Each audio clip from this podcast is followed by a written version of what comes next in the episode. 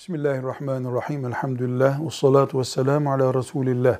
Halk arasında koca karı ilacı denen şeyler caiz midir? Yapılabilir mi? Güvenilebilir mi? Uygulamasına katılınabilir mi?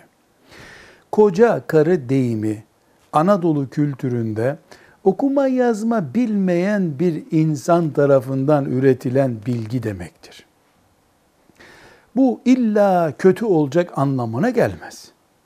Ama bilimin saniyeleri onlarca kere böldüğü bir zamanda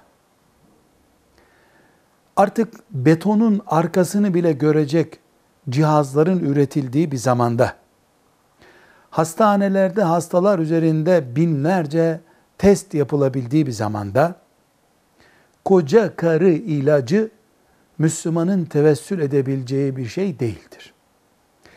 Hatta koca karı ilacına okuma yöntemlerini de katabiliriz.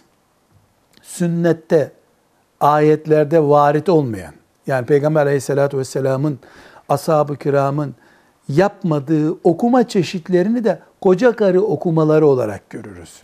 Hastaya işte şu kadar sayıda tebareke, şu kadar sayıda Yasin-i Şerif bunlar koca karı okumalarıdır.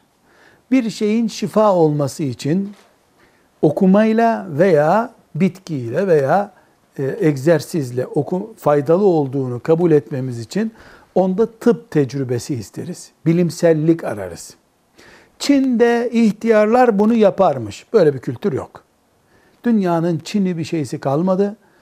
Bütün tıp bilgileri internete yüklendi artık bu kadar bilimsel bir zamanda koca karı kültürüyle insan sağlığını ayakta tutamayız biz.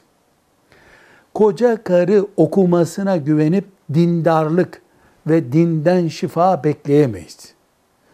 Bir okumanın caiz olması için Kur'an'dan ve sünnetten ashab-ı kiram taşımasıyla bize geliyor olması lazım.